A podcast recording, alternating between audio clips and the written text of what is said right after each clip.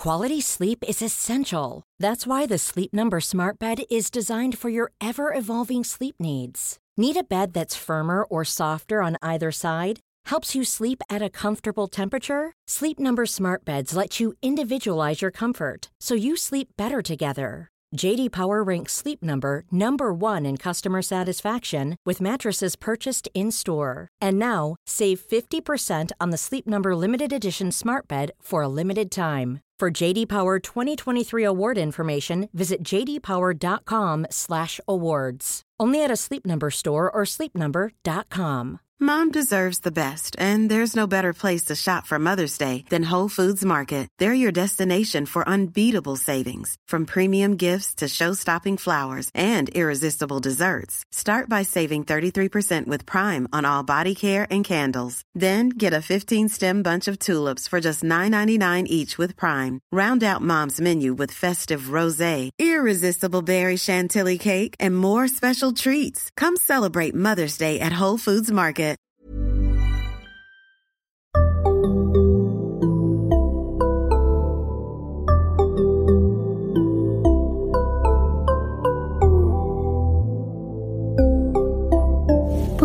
Barnpsykologerna. Välkommen till Barnpsykologerna, en podcast med Liv Svirsky och Lars Klintvall, där vi idag ska prata om hoarding och det ska vi göra tillsammans med Vålen Ivanov. Välkommen Vålen! Tack så mycket! Eh, jag tänker att du ska få, eller vi ska, du ska få massa tid att prata om hoarding, men vi kan väl börja med att du bara presenterar dig och vem du är och din bakgrund i just det här ämnet. Ja, tack. Så jag är ju legitimerad psykolog och arbetar till vardags på en psykiatrisk klinik i Stockholm. Den heter Psykiatri Sydväst. Så där har jag en del av min tjänst som har att göra med uppföljning av psykologisk behandling på den psykiatriska kliniken då. Men sen så är jag också forskare på Karolinska institutet och där försvarade jag en avhandling under 2017 som handlade om just det här som vi ska prata om då, hoarding disorder eller på svenska då samlarsyndrom. Och dessförinnan har jag jobbat en del på andra arbetsplatser med eh, tvångssyndrom och relaterade tillstånd då så vi kanske kommer in lite grann också under samtalets gång på just relationen mellan samlarsyndrom och närliggande tillstånd. Jättebra. Och där, där förtydligade du också vad hoarding heter på svenska, samlarsyndrom. Så det var ju mycket bra. Men, men du kanske behöver, vi kanske ska förklara ännu mer. Vad är samlarsyndrom? Ja, absolut. Och apropå det där med vad det heter så, kan man, så vill jag också lägga till då att när jag började forska på det här ämnet så fanns ju inte den svenska översättningen för den kom först någon gång runt 2013 eller något senare när DSM-5, eh, den eh, diagnosmanualen, översattes till svenska. Så dessförinnan så funderade ju vi på vad, vad ska vi kalla det här? Det, det heter hoarding disorder på, på engelska. Men på svenska fanns det inte ett namn och då hittade vi på begreppet patologiskt samlande. Så om man tittar lite grann på nätet och kollar någon gammal artikel så kan man också hitta det här begreppet då, patologiskt samlande och sen så blev det 2013 då så översattes det till samlarsyndrom som jag tycker är ett ganska bra ord men också lite knepigt vilket vi kanske kommer in på det här med vad är då samlande som är osjukligt och vad är det för slags samlande som är sjukligt. Och jag håller på med den sjukliga delen då av, av samlande samlarsyndrom. Och det handlar ju om att man har väldigt svårt att göra sig av med saker. Och det kan då handla om att det är svårt att slänga saker. Men det kan också handla om att man har svårt att ge bort saker. Eller att sälja saker. Alltså att på något sätt eh, skiljas från sina saker, separera från dem. Allt det där är svårt. Och sen så står det också i kriterierna att man ska ha haft det här under ganska lång tid. Så det är ingenting som man bara haft i ett par veckor så som det kan vara för vissa tillstånd. Och det är väldigt typiskt också bland de patienter som vi träffar att det är ett tillstånd som man har haft i många, många år då. Och anledningen eller motiven som man har till att man har svårt att släppa taget om saker, na, de är ju viktiga också för de, där skiljer sig det lite från tvångssyndrom då som ju mer handlar om tvångstankar som som finns med i bilden. Men här ska man också då tycka om sina saker eller man vill behålla sina saker och man tycker att det är väldigt jobbigt att göra sig av med dem. Så det är inte så att man har någon tvingande tanke om att du måste behålla det här utan de här personerna ser ett värde i sina saker eh, kopplar minnen till sina saker, har en känslomässig anknytning ofta till sina saker. Och just det där att det är väldigt svårt för dem att göra sig av med sakerna leder då till det som på engelska kallas för clutter och som vi på svenska brukar översätta till belamring. Att man får då mycket saker i sitt hem som också ligger på ett oorganiserat sätt. Man har dem inte det kan ibland vara så att en person har väldigt mycket saker i sitt hem. Men de, de, man har dem i en hylla eller i, i filsystem eller liknande. Men hos personer med samlarsyndrom så blir det väldigt stökigt också. Så det är både mycket saker och stökigt bland sakerna då. Så det, det är den, det tredje kännetecknet då för samlarsyndrom, clutter. Och sen slutligen då så ska ju det här då orsaka något slags problem i vardagen för den som drabbas eller då eh, lidande, att man mår dåligt över det. Och det ska inte heller förklaras då av något annat syndrom. Och en sak som också är viktig att lägga till där apropå det här med belamring då att ibland så träffar vi personer som inte har den här belamringen i sitt hem men de har allt annat.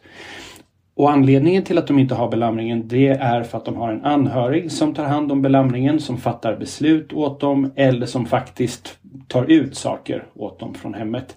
Eller ibland så kan man ju få stöd från ja, samhället, boendestödjare kommer in och, och rensar ut och det är därför det eh, ser obelamrat ut. Men då kan man alltså ändå få diagnosen eller då betraktas man ändå ha det här tillståndet samlarsyndrom om det är någon annan än en själv som slänger grejerna. Och det här värdet som du säger det är liksom inte att man tänker att men den här kan jag sälja och det, alltså typ, jag menar man samlar typ på frimärken eller någonting alltså där man tänker att det här stiger i värde om jag väntar med att sälja det eller så utan det är någon annan slags eller kan det vara ett ekonomiskt värde också? Det kan absolut vara ett ekonomiskt värde men det kan verkligen vara det. Ofta så har man ju olika motiv eller man ser olika värden i olika saker. Och det gör ju alla vi människor och det får man ju lägga till då att även om man inte har samlarsyndrom så kan man ju verkligen känna igen sig i varför man behåller vissa saker eller har svårt att separera från dem. Men personer med samlarsyndrom ser ofta väldigt mycket värde i väldigt många olika saker som de har i sitt hem. Så det kan ju vara så att man känner ett, en känslomässig anknytning eller att, att man upplever något slags sentimentalt värde kopplat till en sak. Man förstår att det är ingen som vill köpa det här men för mig betyder det väldigt mycket. Det säger någonting om min historia eller det påminner mig om någonting som har hänt mig i livet och det är därför jag inte vill slänga det. Men det är också väldigt vanligt att man har någonting som, som faktiskt har ett värde. Det kan ju vara så att de här personerna har till exempel kläder som de har köpt som de aldrig har använt som eh, där lapparna sitter på som skulle kunna säljas. Det kan vara andra värdefulla eh, objekt. Eh, men det kan också vara saker som egentligen inte är objektivt sett värda någonting men där man överskattar värdet eller möjligheten att, att göra sig av med dem. Så det är ofta att de, att de kan tänka att ja, men det här kan komma väl till pass i framtiden eller det här skulle jag kunna sälja då i framtiden. Eh, och du, det är bara saker? Jag tänker att det är, inte någon, liksom, det, det, är inte någon form av separationsångest också från människor även om man inte kan samla människor på hög. Men liksom...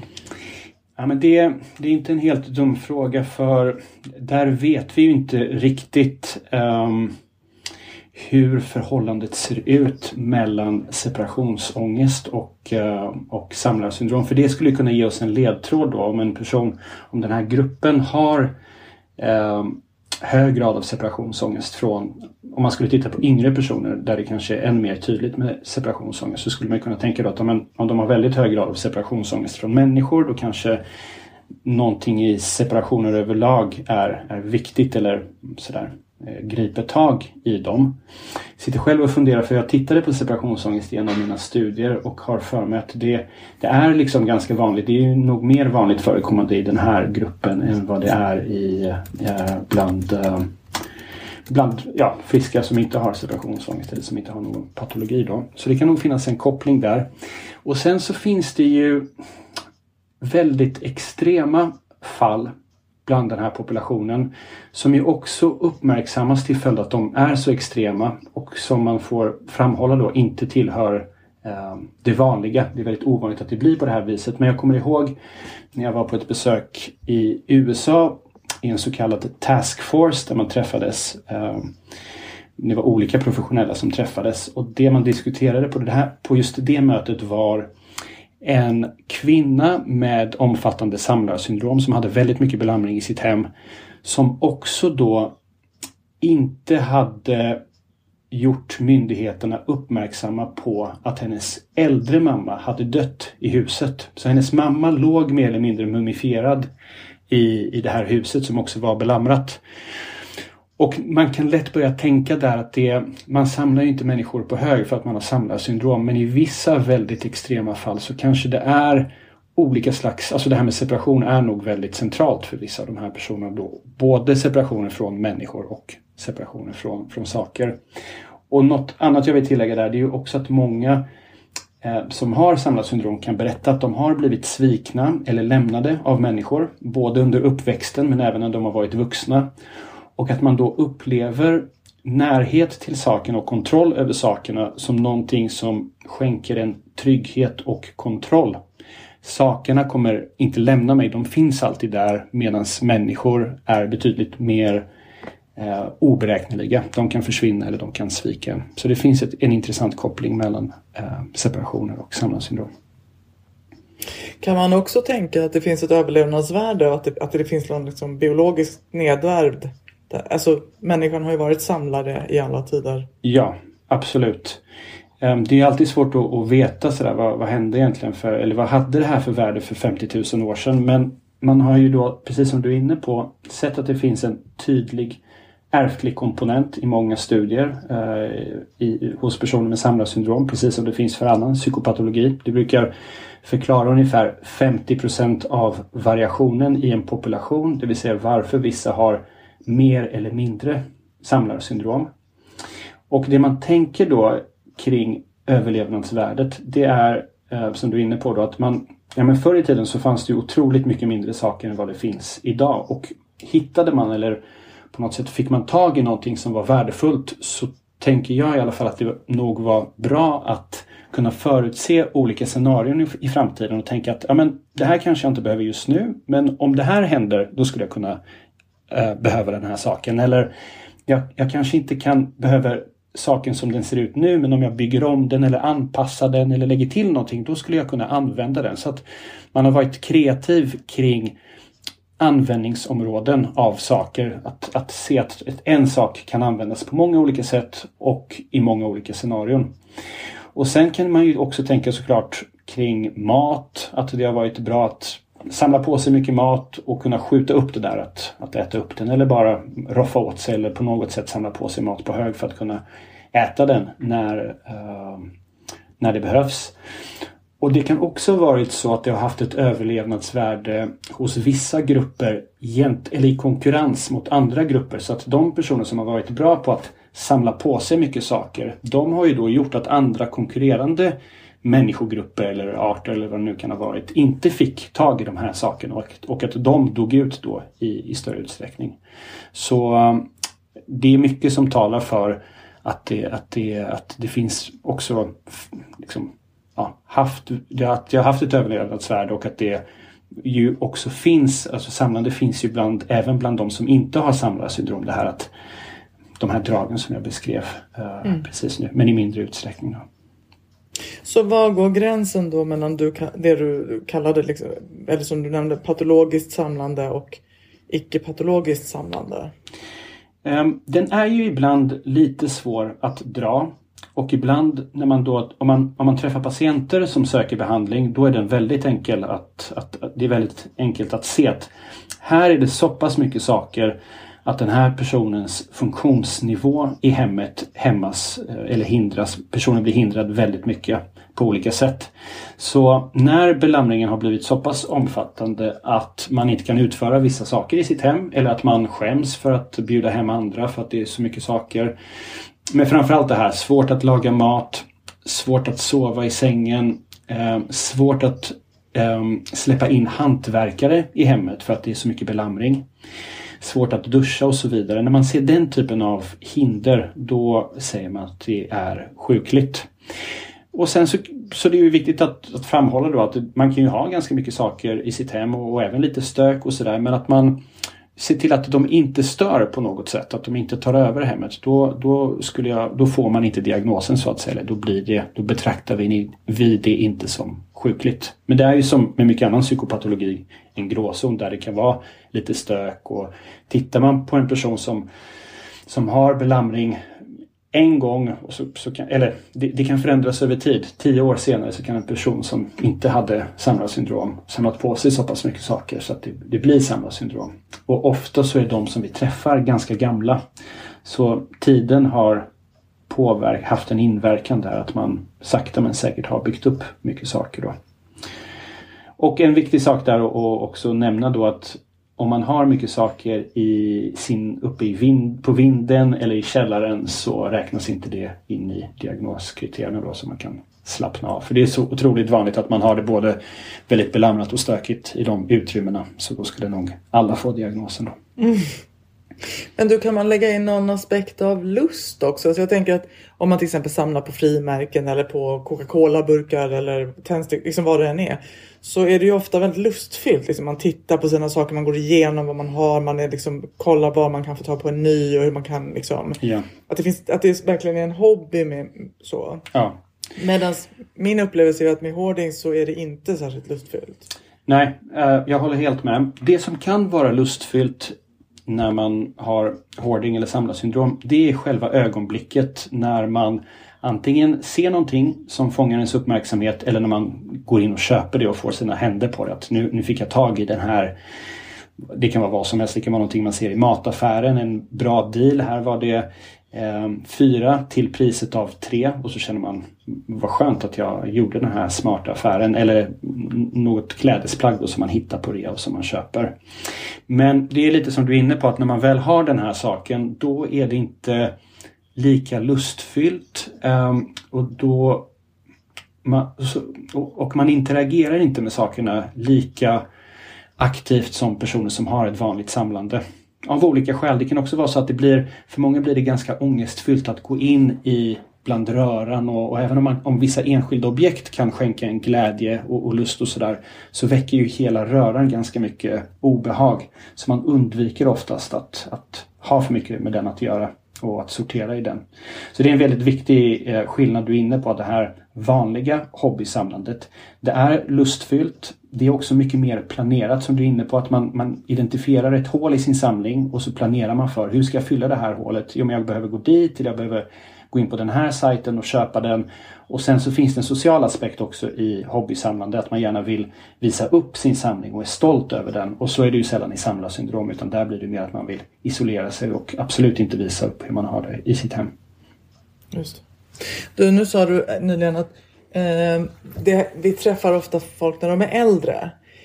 Eh, hur ser det ut? När brukar det debutera? Hur ser utvecklingen ut? Och, och finns det här också hos barn och unga? Eller? Ja, det här är frågor som inte helt har ett svar um, av olika skäl. Då. Men några saker vet vi väldigt tydligt och det är nästan lite komiskt hur vanligt det är att medelvärdet på de personer vi träffar eh, på kliniken eller i forskningsstudier brukar ligga på 55 år. Så har man sådär 10 personer eller mer och så tittar man på ett medelvärde så brukar det ofta landa på, på just 55. Ehm, och sen så finns det lite ledtrådar som säger oss när det här tycks debutera. Bland annat har man ju frågat äldre personer som har det här tillståndet, säg när de är 65 år gamla. När fick du dina första symptom? När började du märka att det här var ett problem för dig? Och då säger väldigt många att det började när de var barn. När de var 10 år gamla, vissa ännu yngre än så. Och de allra flesta hade fått, inte de allra flesta, men majoriteten hade fått sina symptom innan man var 20 år gammal. Och sen så dröjer det uppenbarligen flera decennier innan de, de söker hjälp då av olika skäl. Ehm, och det här var en av frågorna som jag tittade på i min avhandling. Hur ser det här ut bland unga personer? Och då tittade jag på väldigt många, en stor grupp 15-åringar. Och det vi fann då det var att det var ganska vanligt, det var runt 2% som eh, beskrev att de hade svårigheter av det här slaget, alltså att slänga saker, att de hade mycket belamring i sitt hem. Men sen så ville ju vi också intervjua dem och uh, titta lite mer hur de faktiskt hade det i sina rum. Hade de den här belamringen som de beskrev att de hade? Och då fann vi att det inte var någon ur den här gruppen som vi intervjuade och som vi letade upp eh, från personer i hela Sverige då som, som kunde uppvisa den här belamringen som vi ser i, bland vuxna. Och det förklarades egentligen inte heller av att deras föräldrar var inne i rummen och, och slängde saker utan troligtvis så hade man helt enkelt inte haft tid eller möjligheter att samla på sig så pass mycket saker så att det blev ett problem. Och eh, inte heller bland 25-åringar eh, misstänker vi att det här är så vanligt. Utan det, det kanske tar eh, sådär en 10, 15, 20 år innan det börjar bli ett problem från det att man får de första sjukdomstecknen. Så kanske när man är runt 30 år gammal så börjar det bli ett problem för väldigt många. Men det finns också, ska jag säga, enstaka fall där man har väldigt mycket belamring även när man är i 13-14 års åldern. Men de den populationen så att säga vet vi väldigt lite om och och eh, vi har inte heller några utvecklade behandlingar för barn med, med samlarsyndrom även om det finns en del fallrapporter i litteraturen som beskriver hur man har anpassat vuxenbehandling för barn.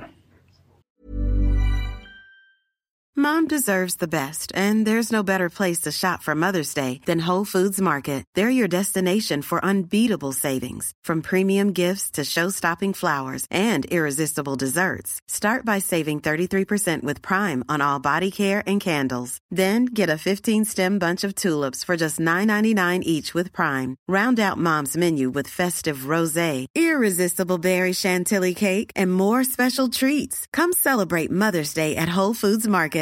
A lot can happen in the next three years. Like a chatbot may be your new best friend. But what won't change? Needing health insurance. United Healthcare Tri Term Medical Plans are available for these changing times. Underwritten by Golden Rule Insurance Company, they offer budget friendly, flexible coverage for people who are in between jobs or missed open enrollment. The plans last nearly three years in some states, with access to a nationwide network of doctors and hospitals. So, for whatever tomorrow brings, United Healthcare Tri Term Medical Plans may be for you. Learn more at uh1.com. I'm Sandra, and I'm just the professional your small business was looking for. But you didn't hire me because you didn't use LinkedIn jobs. LinkedIn has professionals you can't find anywhere else, including those who aren't actively looking for a new job but might be open to the perfect role, like me.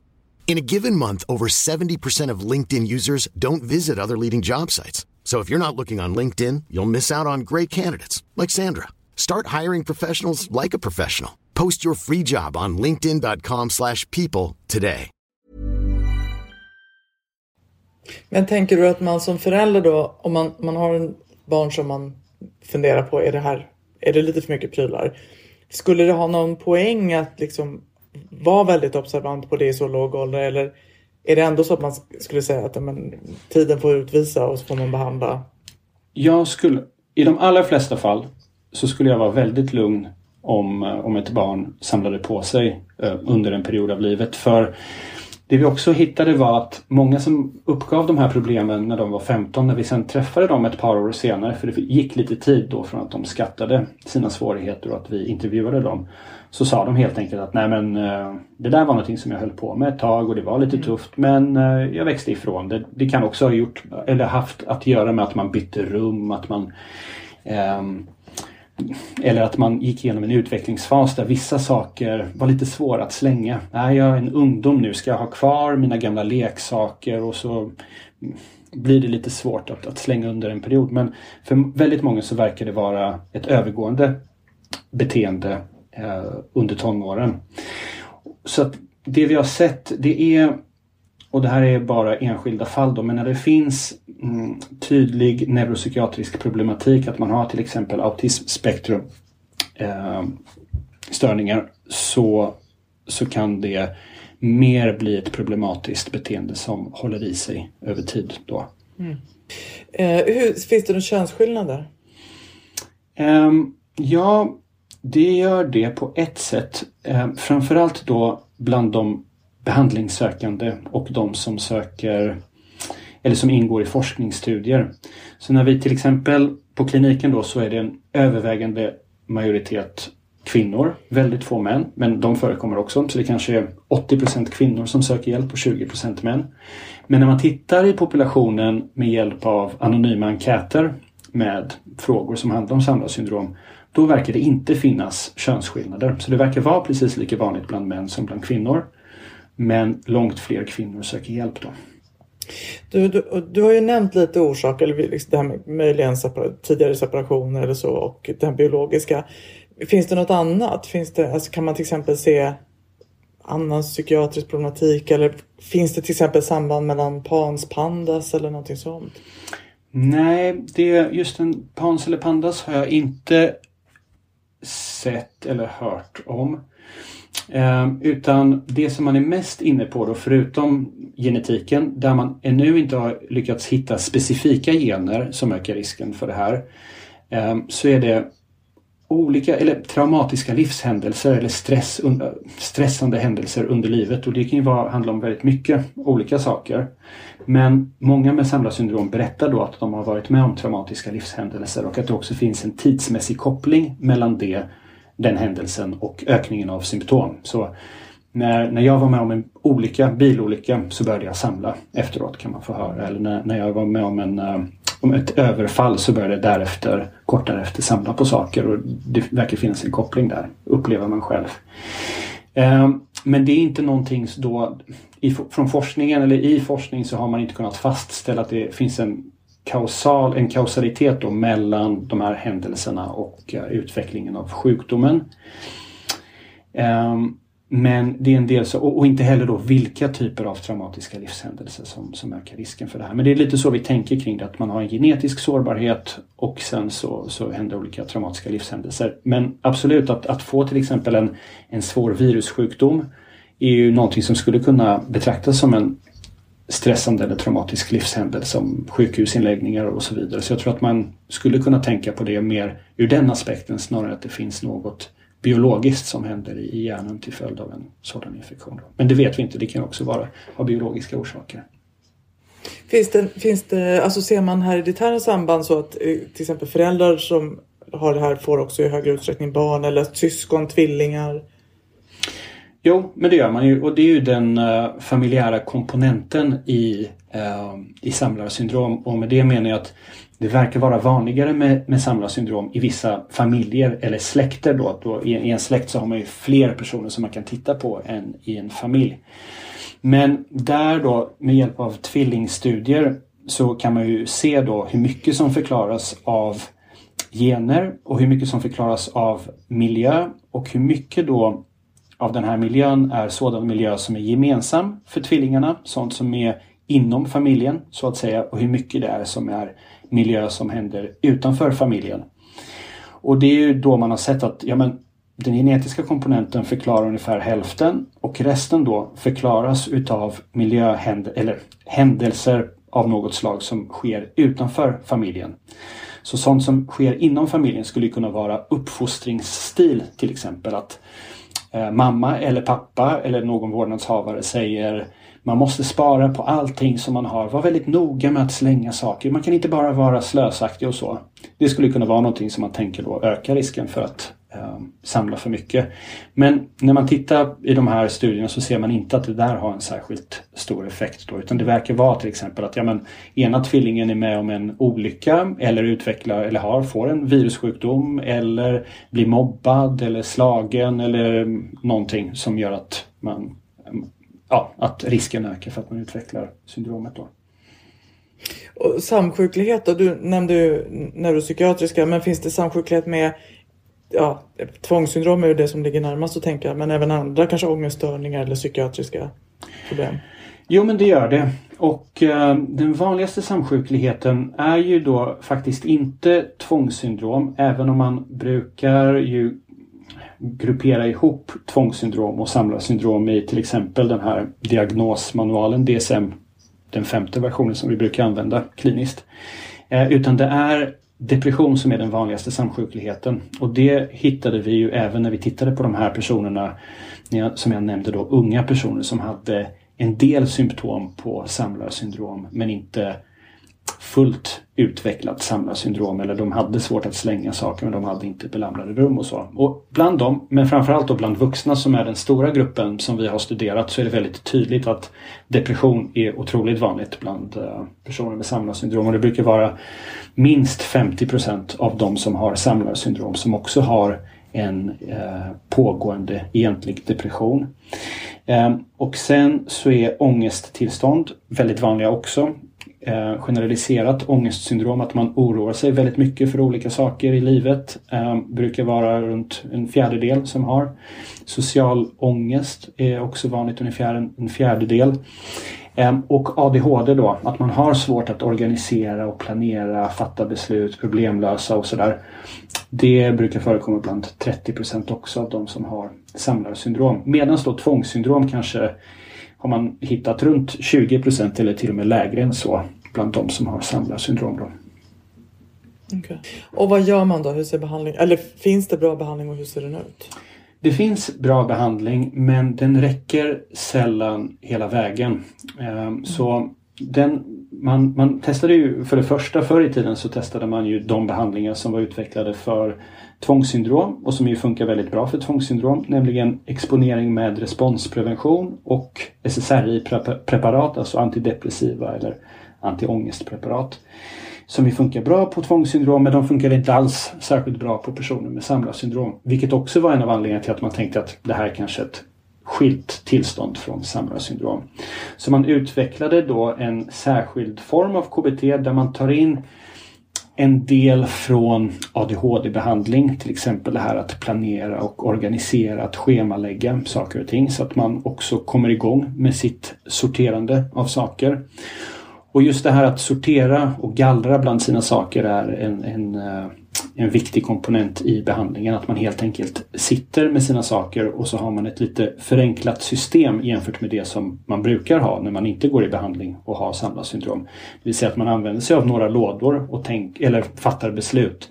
Ska jag behålla det här? Ska jag kasta det här? Eller ska jag mm, ge bort det här? Och så har man olika strategier för att kunna fatta lite mer Eh, snabba och effektiva beslut kring det här och att, och att också lära sig att fokusera på att gallra och inte bli distraherad av så mycket annat. Och sen så ingår en del um, att man också det här med exponering då fast i, i, lite annan variant. Det kan handla om att, att hindra sig själv från att samla på sig nya saker. För det är också då en, som vi har varit lite inne på, en del av sjukdomen även om inte det är ett diagnoskriterium att de här människorna går ut och, och köper och samlar på sig aktivt då för mycket saker. Och då kan man till exempel lära sig att stå emot sina impulser eh, för att köpa genom att gradvis utsätta sig för saker som frestar ändå utan att man, att man faktiskt köper eller samlar på sig dem. Och sen så jobbar man en del med att eh, eh hitta mer hjälpsamma tankar. Man brukar från, från grunden så bygger det här på lite mer traditionella kognitiva tekniker där man ska ifrågasätta sina tankar. Behöver jag verkligen det här? Eh, kommer jag verkligen inte kunna stå ut med, med att göra mig av med den här? Men det, det är väl min kliniska erfarenhet att just att jobba med tankarna är någonting som är bland det klurigaste som, som ingår i den här behandlingen. Där det, där det kanske mer funkar bra att bara berätta om sina tankar, vilka tankar som man har i huvudet medan man sorterar. Någonting som man kallar för thought listing på engelska än att som behandlare gå in och ifrågasätta för mycket för det kan ofta väcka lite motstånd hos personerna som, som samlar. Och sen en del då motiverande tekniker för att upprätthålla sin motivation under hela behandlingen och förhoppningsvis efter behandlingen.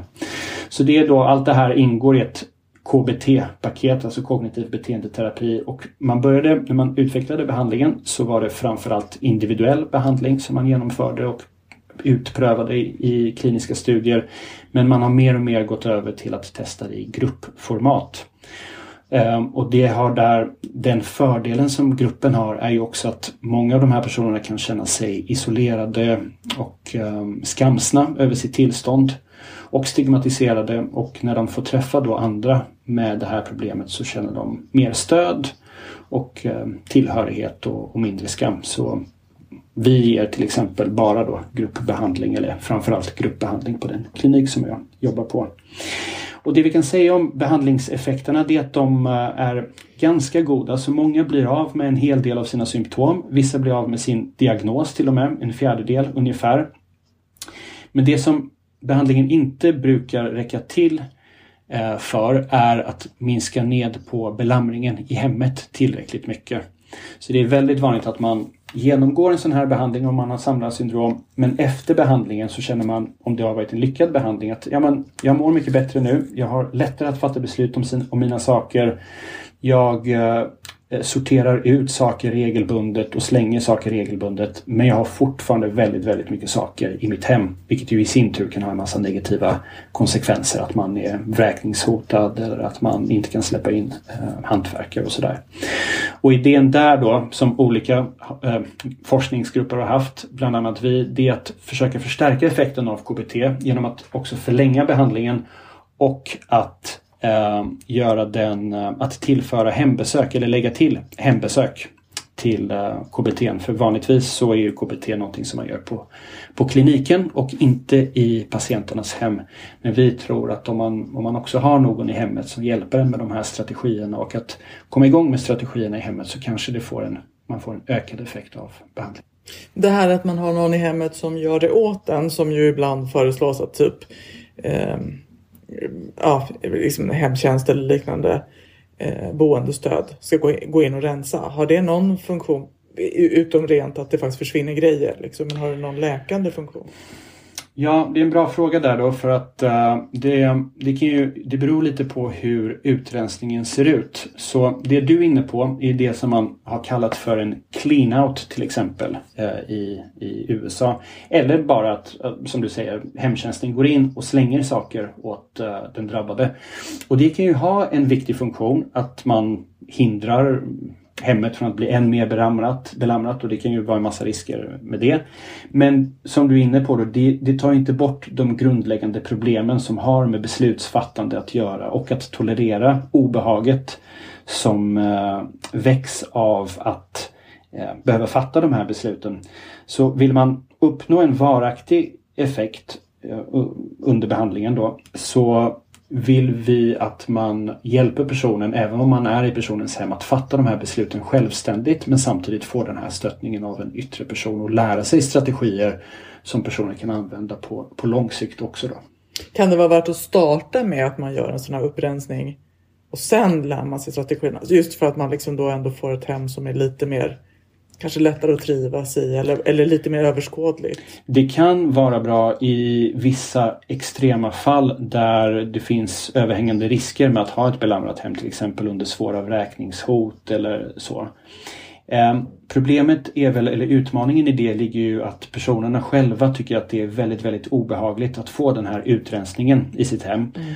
Och de tycker nog att det är mindre obehagligt om de vet att jag kommer få stöd under lång tid framöver. Men det har visat sig vara väldigt svårt att i praktiken genomföra en sådan utrensning eh, och sen eh, lära dem mer, ja, gå in med, med stöd och så. Men det, det, det händer ju eh, ganska ofta att man gör den här typen av saneringar i ganska extrema situationer så får man stöd efteråt. Helt enkelt därför att det inte finns något alternativ till det. Mm. Och eh, Utmaningen här då som jag, vi har varit inne lite på när vi har pratat det är att man ofta kommer in väldigt sent i, i de här sjukdomsförloppen. Som personen fick sina symptom när, när hen var 20 år gammal och så träffar man en person som idag är 70 år gammal så har det liksom pågått i 50 år. Och vi tänker att det vore bra vi kanske uppnår större effekt om vi kommer in mycket tidigare i sjukdomsförloppet. Att vi kan identifiera, om vi skulle kunna identifiera det här att en person löper risk för att utveckla samlarsyndrom eller har tidiga tecken eller en lindrig problematik när personen är kanske 30-35 så har man troligtvis större möjlighet att göra något vettigt utan att behöva ta till de här extrema insatserna. Mm. Du, om man skulle vilja fördjupa sig lite i det här ämnet, har du något tips på vad man kan, vad man kan läsa eller söka mer information?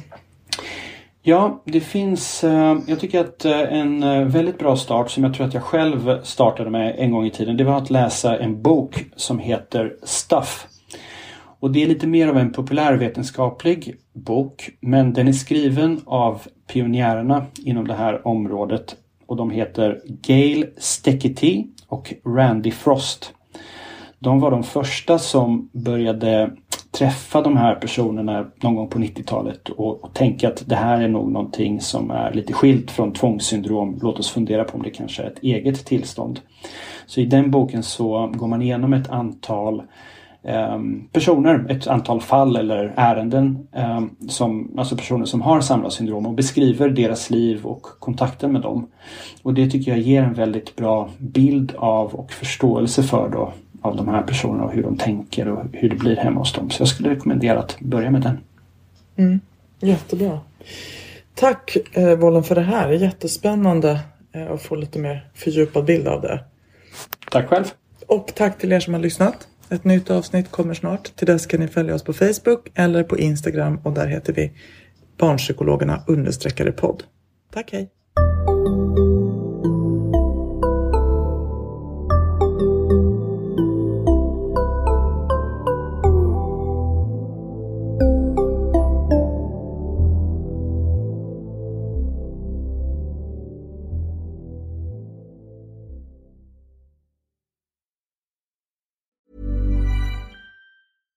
Mom deserves the best, and there's no better place to shop for Mother's Day than Whole Foods Market. They're your destination for unbeatable savings, from premium gifts to show-stopping flowers and irresistible desserts. Start by saving 33% with Prime on all body care and candles. Then get a 15-stem bunch of tulips for just $9.99 each with Prime. Round out Mom's menu with festive rosé, irresistible berry chantilly cake, and more special treats. Come celebrate Mother's Day at Whole Foods Market.